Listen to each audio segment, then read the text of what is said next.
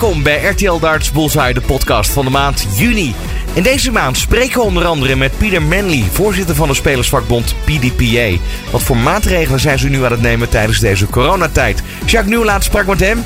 Centrale gast vandaag is Michel Mulders, reporter en redacteur van RTL Darts. En zoals altijd Jacques Nieuwlaat, commentator en hij weet alles op het gebied van darts. Welkom bij RTL Darts Bullseye, de podcast. Ik ben Ron Lemmens. Ik heb uh, verbinding op afstand met Jacques Nieuwlaat. Uh, nog steeds vanuit je eigen huisstudio, Jacques. Ja, ja, ik zit nog heerlijk op zolder. Ik heb mooi uitzicht over de daken van mijn buren hier zo. En uh, ik, zit er, ik, ik ben er helemaal klaar voor. Ja, de, de zomer begint langzaam. Hoe is het met je airco? Mijn airco doet het prima, maar niet in mijn studio. Alleen in het hokje naast waar ik mijn kantoor heb. Dus het is okay. hier langzaam warm aan het worden. Dus je gaat er af en toe afkoelen? Ja, dus als ik af en toe weg ben, dan weet je waar ik zit.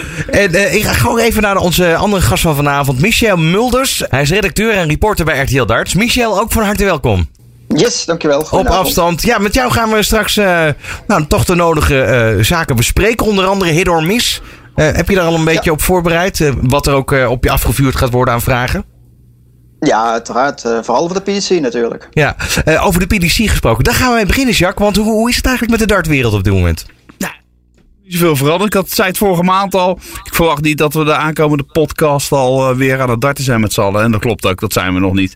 Althans, niet echt. Een beetje nog vanuit huis, maar dat telt niet mee, dat weet je inmiddels wel. Ja. Uh, dus ja, we zijn een beetje in afwachting. Het enige wat we weten is dat de World Matchplay doorgaat. Die datums zijn nu echt bekendgemaakt. Dus die wordt echt gespeeld. Eind juli gaan we darten. Of dat met publiek is, dat valt te betwijfelen. Maar we gaan in ieder geval wel weer een televisietoernooi spelen. Dus die kun je alvast in de agenda zetten. Wauw, dus dat is een, uh, ja, toch met of zonder publiek, dat is dus heel spannend. Kan je je nog voorstellen dat het minimaal geminimaliseerd publiek zal zijn? Ja, ik denk niet dat we met een volle zaal gaan zitten in ieder geval. Het zou kunnen zijn dat ze met, nou ik noem maar even 30 man of 100 man misschien in die zaal mogen. Dan zullen ze ongetwijfeld die 30 of die 100 man wel toelaten. Maar uh, er zullen strenge eisen zijn, denk ik, aan het toernooi. Uh, we hebben Barry Hearn de afgelopen weken heel vaak gesproken. Of in ieder geval nou, één keer heel lang mogen spreken. Dat is best bijzonder. En die heeft er ook wat dingen over gezegd. Uh, daar gaan we vandaag ook nog wel een paar keer op terugkomen. Maar een van de dingen die hij zei is... De World Matchplay gaat door. Nu hebben we het even gehad over het publiek. Maar is überhaupt de locatie al bekend? Ja, goed, de World Matchplay wordt vanaf het begin in 1994 al gespeeld in Blackpool in de Winter Gardens. De vraag is of daar gespeeld kan worden. Als er publiek bij mag, zullen ze daar gaan spelen. Ik betwijfel dat ik zei het al, ik, ik, denk niet dat ze daar gaan spelen. En als je het hele interview met Barry Hearn terugluistert, en dat kan op onze RTL 7 Dart site, dan hoor je Hearn tussen de regels door een beetje. Hij zegt het niet met zoveel woorden, dus het is niet echt als een feit gebracht. Maar het snoeker is ook begonnen alweer. En het snoeker hebben ze alle spelers die in het toernooi spelen in een hotel gestopt waar een speelzaal bij zit zodat iedereen als het ware getest wordt als ze binnenkomen. Vervolgens er ook niet meer uit mogen totdat ze uit het toernooi liggen en naar huis mogen. Ik kan me voorstellen dat ze zoiets zullen gaan doen ook met de World Matchplay. En dat betekent dat ze naar een locatie op zoek gaan waar hotel en speelgelegenheid in één zijn. En dan kun je je voorstellen dat als je een weekje eerder daar naartoe gaat, of twee weken eerder daar naartoe gaat, je ook misschien nog een aantal vloertoernooien kan spelen voorafgaand aan de World Matchplay. Ja, dat zie je natuurlijk bij meerdere sporten dat langzaam maar zeker toch met die corona-situatie uh, ja, men daarmee om kan gaan. Ja, het is een balans tussen, tussen gezondheid en economie. Dat is het niet alleen uh, in, het, in het leven, maar dat is natuurlijk ook in de sport zo. Op een gegeven moment uh, moet er natuurlijk ook gewoon weer gesport gaan worden om die economische motor van de sport als het ware ook weer aan de gang te krijgen. Dus toch maar hè, uh, ja, voor lief nemen wat je misschien een aantal maanden geleden nog helemaal niet zou willen überhaupt. Ja, nee. nee iedereen zal concessies moeten maken. Ja, dan maar even over Ahoy. Hoe is het daarmee? Daar spraken we toevallig wel Hearn over en daar deed hij wel over. Gaan we even naar luisteren. We have sold out Ahoy on two nights. It's a simple solution. One, we will stage it with a crowd or we will stage it with a reduced crowd or we will stage it with no crowd. But the most important thing to say is for your television viewers, it goes ahead. Whether it's if it's behind closed doors and the players are just playing, It happens on those days. Ja, dat zijn de smaken. Je, zei het eigenlijk al eventjes. Achter gesloten deuren, dat heeft toch wel een beetje de, de voorkeur, begrijp ik. Nou ja, goed, wat hij zegt en wat hij, het meest belangrijk is wat hij hier zegt.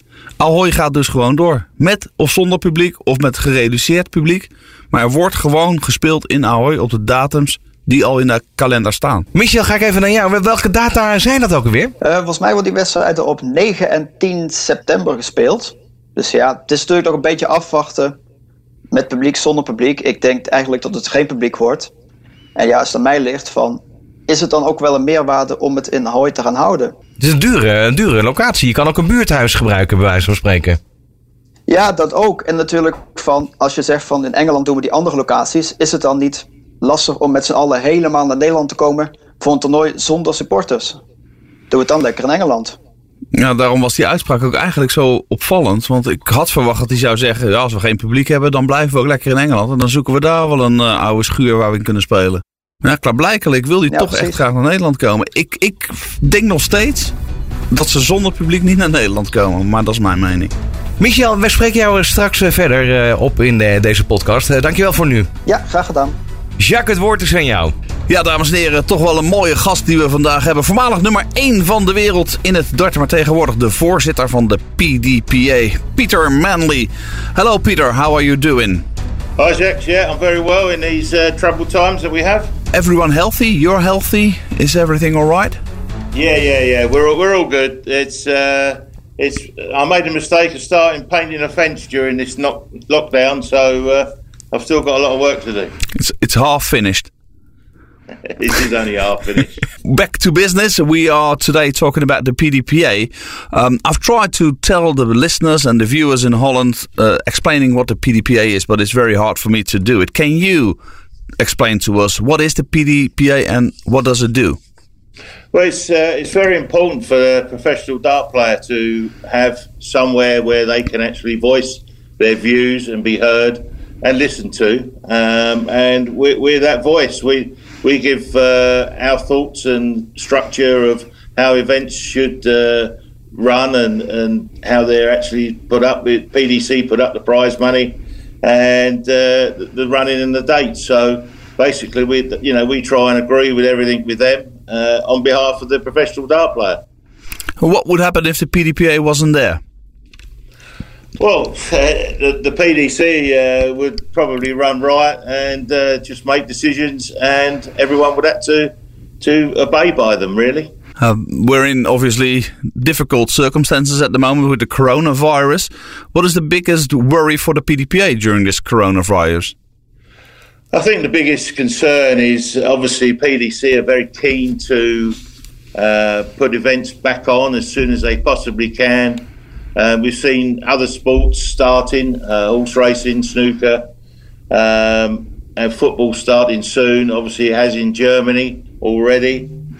Um, I think personally it could be too soon to start with ranking events, um, but um, I know the PDC are, are desperate to put something on for for the players, but I think the majority of the successful players probably won't travel anyway. Um, but uh, obviously, having a televised event, which they're, they will be under a lot of pressure from uh, broadcasters and everything to, to put these events on back on. Um, and be playing behind closed doors in a televised event will be something very different indeed. Yeah, the PDC is trying to get these events on as quick as possible. If not every player can attend, do you still think, or does the PDPA still think that the events should be put on?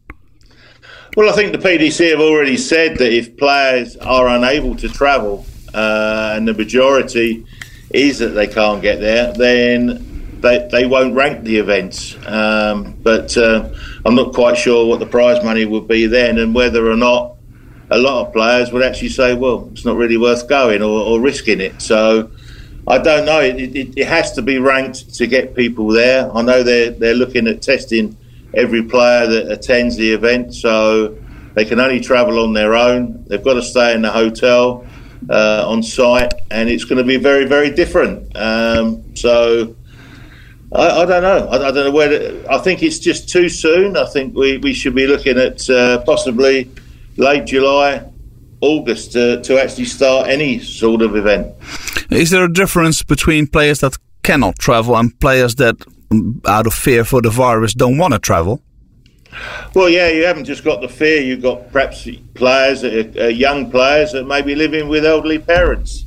Uh, they may have their own uh, health issues that, uh, for the reason why they, they don't want to mingle. But then, obviously, what we've seen this weekend with uh, the supporters for for this American guy, um, you know, the the social distancing hasn't sort of like stuck in there. So, you know, having a dart dart event with 128 players shouldn't really be a problem. During the coronavirus, uh, we've set up an emergency fund for the players um, from the PDPA. How often, uh, how many players have taken the offer up? Yeah, it's uh, it's very similar to, to what Snooker done, but um, yeah, it was just to help with uh, the hardship. We, we, started with an emergency fund, which uh, I believe there's about 56 players out of the 128 that have actually claimed it. So uh, hopefully that's helped them, and we've relied totally on uh, the players being honest and actually needing uh, the thousand pound because it's come out of our funds. Mistake there is a lot of players actually think the PDC have actually paid it, but um, no, it's coming out of our own coffers. That's the difference. That should be made very clear, shouldn't it? It it, it comes from the PDPA funds, not the PDC funds. Yeah, it's uh, players. Well, they're just a little bit uh, ignorant when it comes to actually reading or, or doing anything, so it's hard for them to understand. But then we've we've launched. That was that was for uh, uh, March, but uh, in April we, we, we were launching the hardship fund for May and June payments of a further thousand pound, which is more of a, a loan rather, and will be repaid back in uh, in darts winnings. Um, just coming away from the coronavirus, another thing that's a very big topic, obviously, for the European players is Brexit.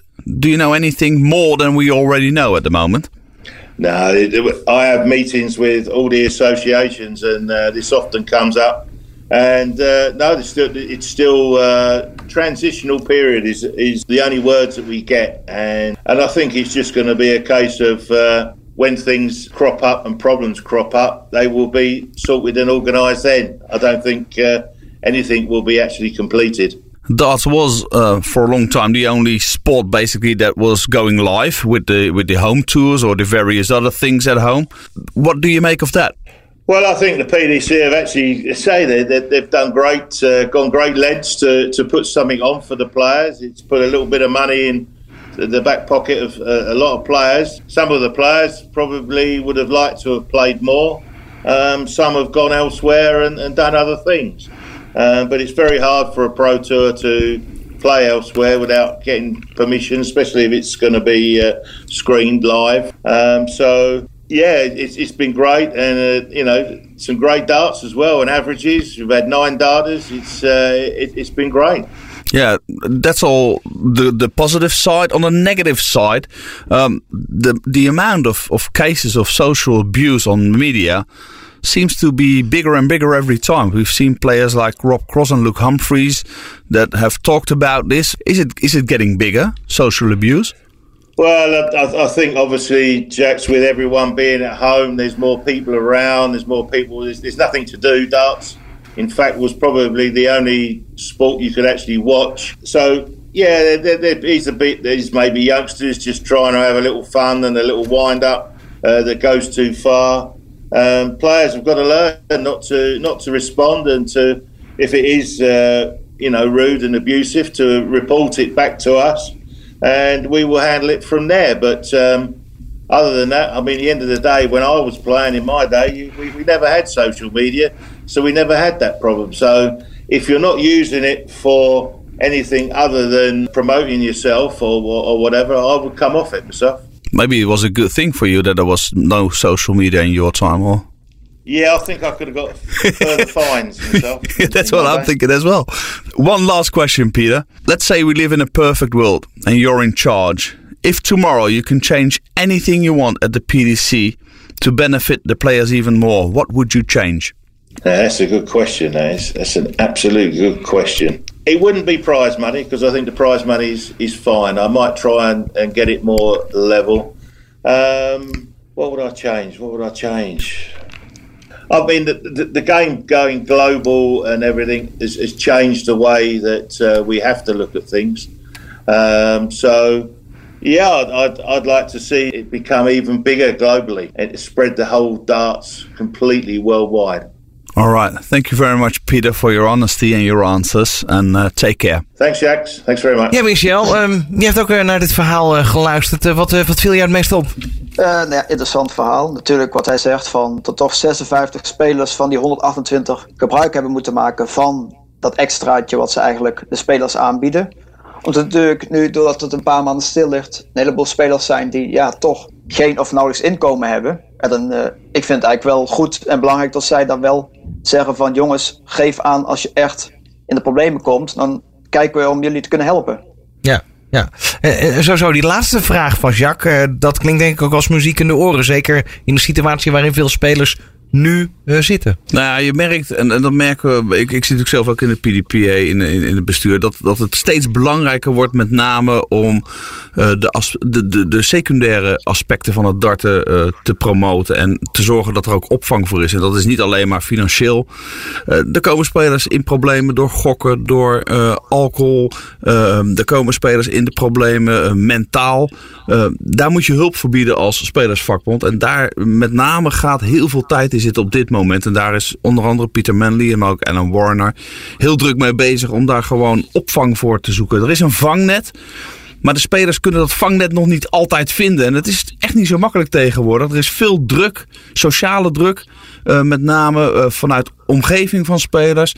Maar ja, ook tegenwoordig met het, met het wedden in Engeland met name. Er staat ook veel druk vanuit uh, de, ja, mensen die weddenschappen inzetten. En die ook dus weddenschappen verliezen als jij een wedstrijd verliest. En met tegenwoordig de, de lijnen via social media zijn zo kort. Dat je rechtstreeks een speler kunt beledigen, ja. bedreigen of noem het maar. Ja. ja. en, en daar moet je proberen die spelers een klein beetje in te begeleiden. De eerste keer dat je het meemaakt, komt knoert hard aan. Toch even die vraag aan jou ook, Jacques. Um, deze coronatijd heeft hij dan wel effect op dat wellicht uh, de, de situatie en de omstandigheden, althans de, de, het fallback scenario waar je het over hebt, dat dat uh, nu versneld tot ontwikkeling komt? Ja, misschien wordt, er zit ook misschien wat meer een schijnwerper op op dit moment. Omdat dart een van de weinige sporten was heel lang. Die natuurlijk nog een beetje doorging. Hè, met, met de home tour van de PDC. Maar er waren ook wat andere online toernooien waar je op kon wedden onder andere. Ja, en, en daardoor zie je dat heel veel mensen die thuis zitten en zich vervelen, gaan wedden op die wedstrijden. Ja, en dat gaat natuurlijk ook wel eens fout. En dan merk je dus wel dat daar heel veel reacties uh, op social media verschijnen. En Michel, jij zit veel op social media, denk ik eventjes. Um, zie jij veel van dit soort dingen rondgaan? Um, ja, dat zie je eigenlijk op zich wel uh, vaak. We hebben natuurlijk ook een keer het verhaal gehoord van Van Barneveld. Dat hij een keer een wedstrijd verloor en uh, diezelfde avond stond er nog iemand aan zijn deur in de hotelkamer van... Hé, hey, je hebt mij geld uh, afgetrokkeld eigenlijk. Zeg, ik heb geld door jou verloren. Heel eng als je, dit, als je dit meemaakt, lijkt mij. Ja, precies. Ja, je bent er als speler niet op voorbereid. Hier kun je ook niet iemand op voorbereiden. Ook niet de tweede of de derde keer. En dan kunt natuurlijk iedereen zal zeggen, ook iedereen die hier naar zit te luisteren. Ja, wie doet dat nou? Maar ja, er zijn er dus toch wel best wel wat die dat doen. En niet eens allemaal meteen uh, met een hele slechte intentie. Maar mensen in hun uh, woede of in hun opwelling zetten ze zoiets erop. En ze hebben niet geen idee wat dat aanricht aan de andere kant. Moet daar publiekelijk dan meer aandacht voor zijn dat deze situaties zich afspelen? Eigenlijk wel, maar ja, het is moeilijk. Het is moeilijk. Wie, wie gaat er aandacht aan besteden? En zeker in deze tijd is het, is het toch een beetje een ondergeschoven kindje. Laten we gaan naar or miss. Um, aan de hand van een aantal uh, vragen gaan we toch kijken of het een or miss is. Michel, ben je er klaar voor? Absoluut. De PDC moet de Grand Slam of Darts spelen zonder spelers van andere bonden. Michel. Uh, ik zeg mis, omdat de Grand Slam uiteindelijk toch ooit een keertje bedacht is om duels te hebben tussen de PDC en andere spelers, zeg maar de BDO. En in het verleden hebben we ook gezien dat spelers als Daryl Fitton, Martin Adams, Tony O'Shea, Ted Henke, die gaven eigenlijk het toernooi toch wel kleur, omdat je een keer wat andere spelers ziet. Want de Grand Slam of Darts zit al ingepland in een drukke periode in darts en je ziet eigenlijk elke week toch wel dezelfde namen steeds op die toernooien. Dus dan is het ook wel lekker als je een keertje andere namen ziet. Daarnaast heb je natuurlijk ook Nederlands inbreng, kan altijd er nog extra erbij zijn. Richard Veenstra bijvoorbeeld, die doet het heel goed. En natuurlijk, wat de PDC ook leuk vindt, is om een dame te laten zien. Fallon Sherrock is natuurlijk wel een hele mooie gelegenheid om haar mee te laten doen aan de Grand Slam of Darts via zo'n wildcard. Want vorig jaar heeft de BDO Lisa Ashton een plek gegeven en zij is nu een PDC-speelster. Kijk jij dan naar, Jacques?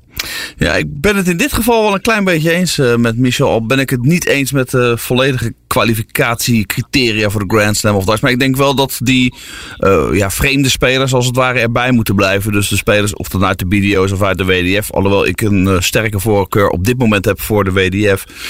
dat daar spelers vandaan moeten komen. Ik denk alleen dat het voor dit jaar echt wel een probleem wordt, de Grand Slam of Darts A, gaan we wel alle televisietoernooien spelen die er nog zouden moeten komen. Dus wie gaat zich kwalificeren voor de Grand Slam of darts?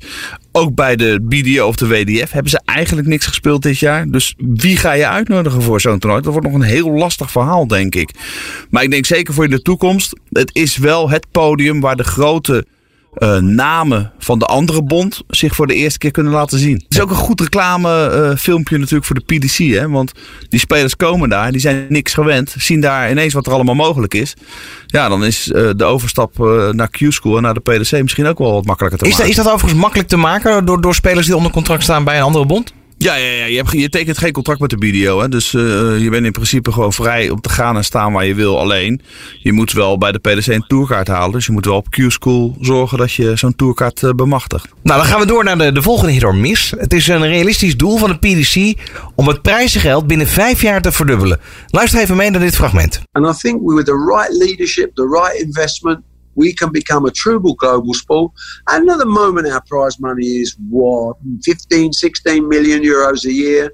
I'd be disappointed if it wasn't double that in five years' time. And who's to say that we can't put a note on it in 15 years' time?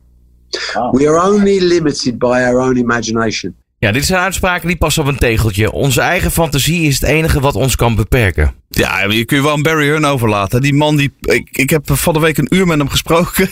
Die, die man die praat in tegeltjes zo ongeveer. Uh, ja, kijk, om even terug te gaan naar uh, de hit or miss het is realistisch dat uh, de PDC het prijzengeld binnen vijf jaar kan verdubbelen. Kijk, ik ben niet degene die Barry Hearn gaat tegenspreken. Want het meeste wat hij zegt, uh, dat komt over het algemeen wel uit. Maar verdubbelen, ik, ik poeh, het is wel heel veel. 30 miljoen hè, heb je het dan over? Ja, en in deze tijd. Ja, en we weten natuurlijk nog niet wat er volgend jaar qua economie en, uh, op ons afkomt. Dat is, dat is het meest bizarre van deze tijd. Nou ja, precies. En hij, hij, loopt dit jaar natuurlijk al bijna 3 miljoen mis. Uh, doordat de Premier League niet doorgaat met publiek. En dat is alleen de Premier League. Michel, stel je nou voor hè, dat het wel zo is, hè, dat het gaat lukken. Wat gaat dat doen met de dartsport? Ja, dat is heel lastig, denk ik. Want ja, als je zegt, eigenlijk van alles gaat verdubbeld worden. Dat betekent dus dat de wereldkampioen ook gewoon over vijf jaar een miljoen krijgt. En dan vraag ik me af, ja, wordt de wereldranglijst dan niet daar ook een beetje scheef van? Of moet je dan misschien naar een ander soort rankingssysteem gaan kijken? Maar hoe bedoel je met elk, scheef? Nou ja, als je elk jaar bijvoorbeeld een percentage erbij gaat doen. En de wereldranglijst gaat over twee jaar. Dat betekent dus eigenlijk dat in dat tweede jaar wordt er weer veel meer verdiend. Dus ja, daar tellen de resultaten van het eerste jaar dan weer zoveel minder mee eigenlijk. Omdat de wereldranglijst over geld gaat. Het geld wat verdiend wordt. En ik vraag me af of dat dan uiteindelijk wel ja, eerlijk is. Dat je bijvoorbeeld dit jaar krijg je een ton voor een toernooi winnen. En dan volgend jaar is het ineens al twee ton. Ja, je hebt dezelfde prijs. Je hebt dezelfde toernooi gewonnen.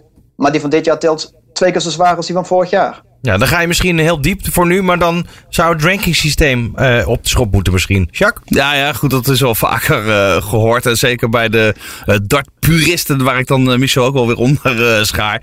Maar Barry Hearn heeft helemaal niets met eerlijkheid of met dat soort dingen. Het gaat hem er gewoon op. Hij wil op de wereldranglijst zien hoeveel het geld is dat hij uitgekeerd heeft. Hij heeft dat betaald, dus hij wil gewoon cash zien op, op, die, op die wereldranglijst. En of dat nou eerlijk is of niet, dat interesseert hem echt geen jota. Volgende stelling. De PDC moet volgend jaar opnieuw een home tour organiseren, ook als dan de corona verleden tijd is. Michel? Ik zeg dikke mis. Het was leuk voor één keer.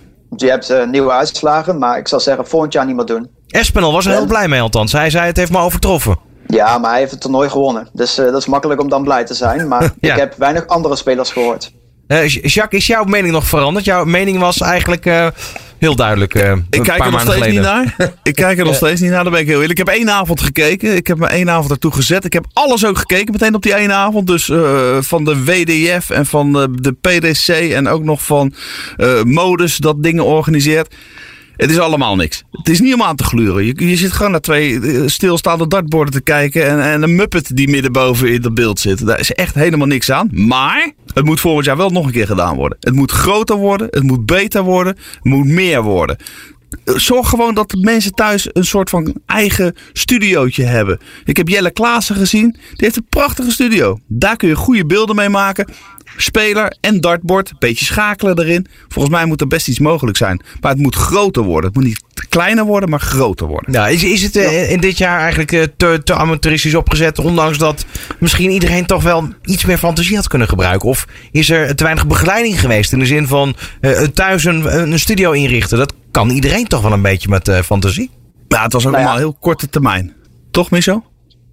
Ja, precies. En ik, het is ook meer eh, geïmproviseerd wat ze heel snel wilden doen. Ze wilden natuurlijk nergens was de sport. En de PDC wilde toch laten zien van kijk, ook in coronatijd kunnen wij sport bieden. Dus het is eigenlijk misschien een beetje overhaast gegaan dit jaar. En als je er een jaartje nog over kan gaan nadenken, dan kun je het wellicht veel groter en veel mooier opzetten. Ja. Wat je eigenlijk moet doen, Ron, is je, je nodigt niet- juist de top 16 van de wereld niet uit, maar iedereen die eronder staat. Zodat je ook die mensen een kans krijgt om een beetje in beeld te komen. Je moet het ook niet op televisie willen uitzenden. Laat dat ook meteen duidelijk zijn. Dit is niet geschikt voor tv. Dit is alleen voor online. Maar er zijn zat mensen die helemaal niks te doen hebben in hun leven. Die willen daar best naar kijken. Geef het volk brood en spelen. Waarom niet? Niks mis mee. Maar zorg wel dat het er dan ook netjes uitziet. Dus laat op één avond of op één dag of in één week gewoon dezelfde acht spelers. Een, een, een soort mini Premier League spelen, weet ik veel. Maar zorg dat het er netjes uitziet dan. Nou ja, goede stof tot nadenken zou je zeggen. Ja, precies. En één ding wat je absoluut nooit meer moet doen. Geen dames en heren bij elkaar.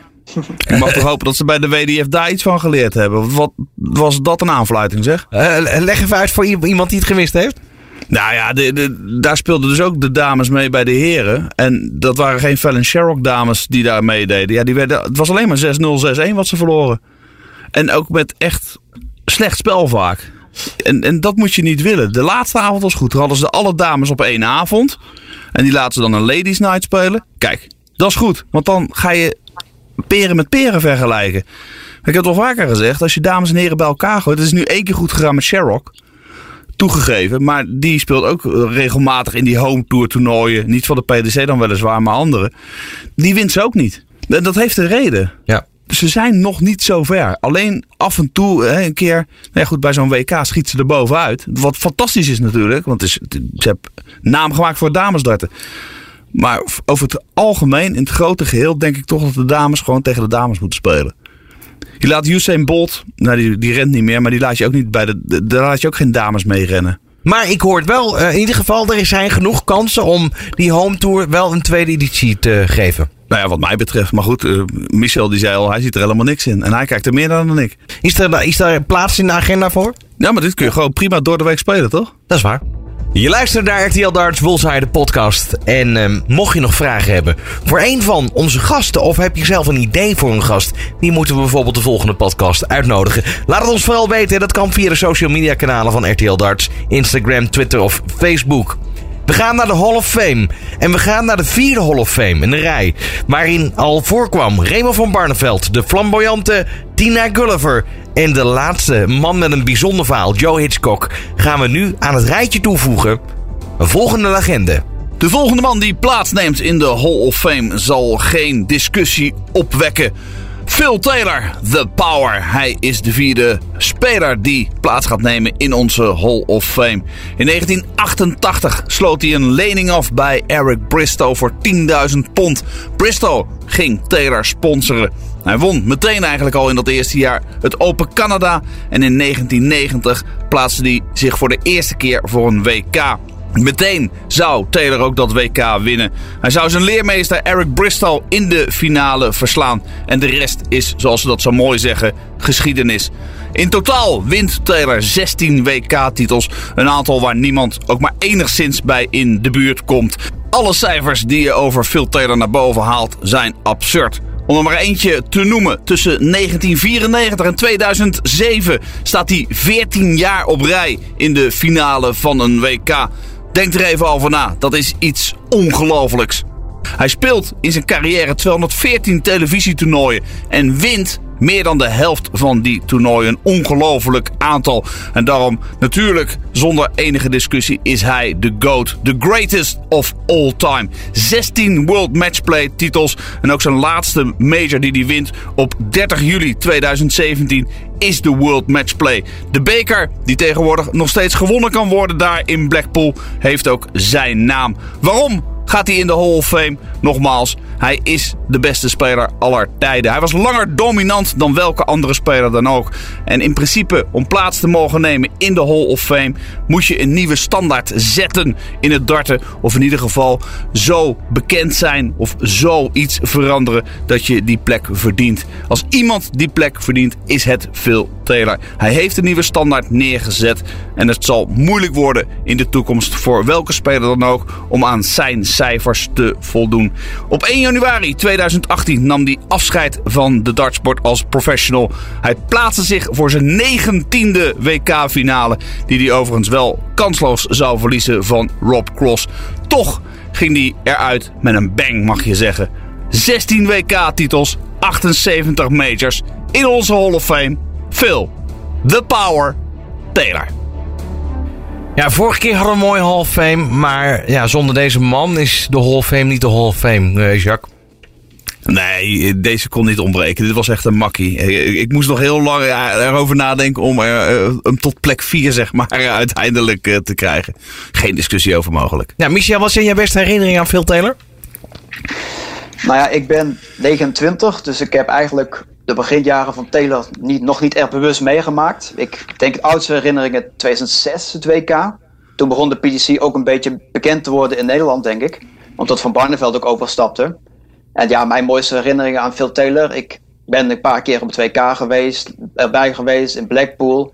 Ik heb hem de WK-titels, de allerlaatste die hij won, daar was ik bij, bij die finale. De finale, zijn allerlaatste wedstrijd tegen Rob Cross was ik bij. Ik heb hem de World Matchplay beker in de lucht zien tillen. Dus ja, voor mij is hij wel een van de spelers die het meest bijzondere voor mij persoonlijk is ook, ja. Mooi betogen, Michel, moet ik zeggen. Dank je. Uh, even naar het overzicht van online toernooi. Ja, helaas. Dat kunnen we niet anders als alleen maar daar eventjes over praten voor nu. Ja, nou ja, eigenlijk het uh, bekendste wat er is geweest, daar hebben we het net ook al een beetje over gehad. De PDC Home Tour.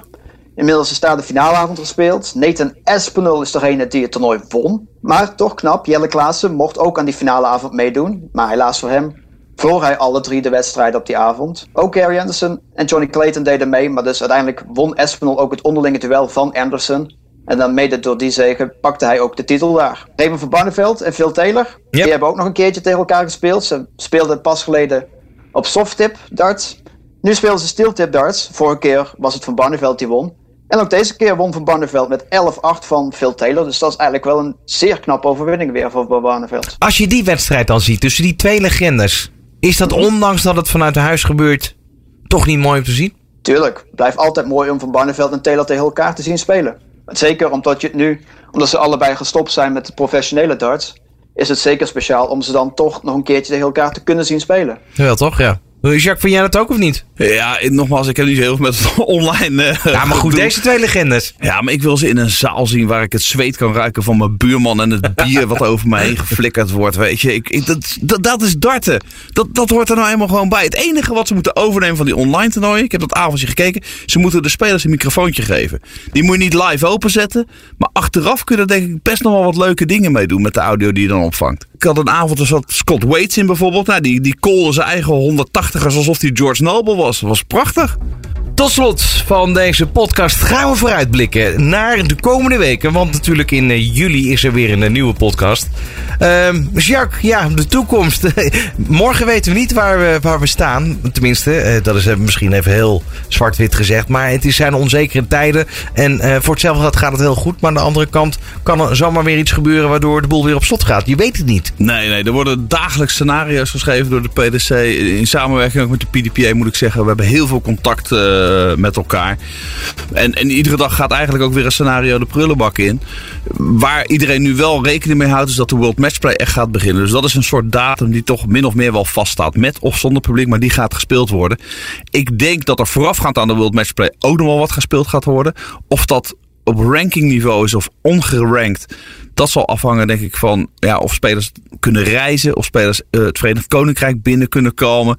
En simpelweg of, of de omstandigheden gecreëerd kunnen worden waardoor je kunt spelen. Uh, ja, en daarna zal het, het seizoen langzaam maar zeker toch weer gaan starten. De Eurotours zijn inmiddels al aangekondigd natuurlijk. Er zijn er nog vier te spelen dit jaar. Geen in Nederland, dat is wel heel erg jammer. Uh, maar we gaan nog wel naar Gibraltar, naar Tsjechië, naar Hongarije en naar Duitsland toe. Uh, ja, dat zou ook wel weer een soort testcase worden. Mag er daar misschien wel wat publiek bij? Of niet? Niemand weet het nog op dit moment. Maar we gaan er een raar jaar tegemoet. Ik, ja, ik hoorde virologen op televisie ook zeggen... Nou, dit jaar komt er nergens geen publiek meer bij. Niet in een voetbalstadion, niet in een, in, in, in een Ziggo Dome of in een ander stadion. Ja, dat zou betekenen, als dat inderdaad waar is...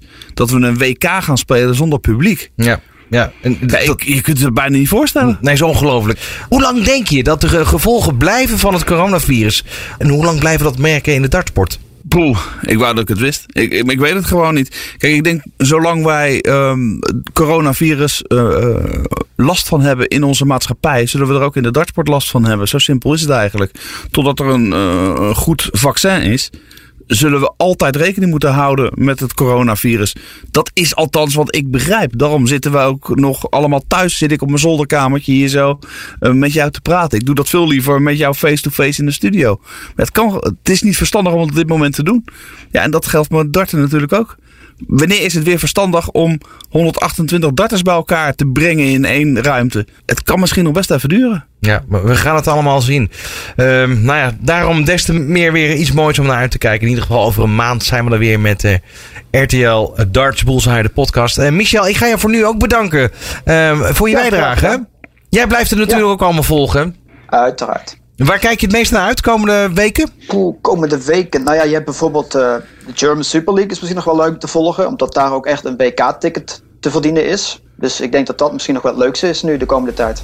Dankjewel voor nu. Tot zover deze RTL Darts Bullseye podcast. Graag tot juli, dan zijn we er weer.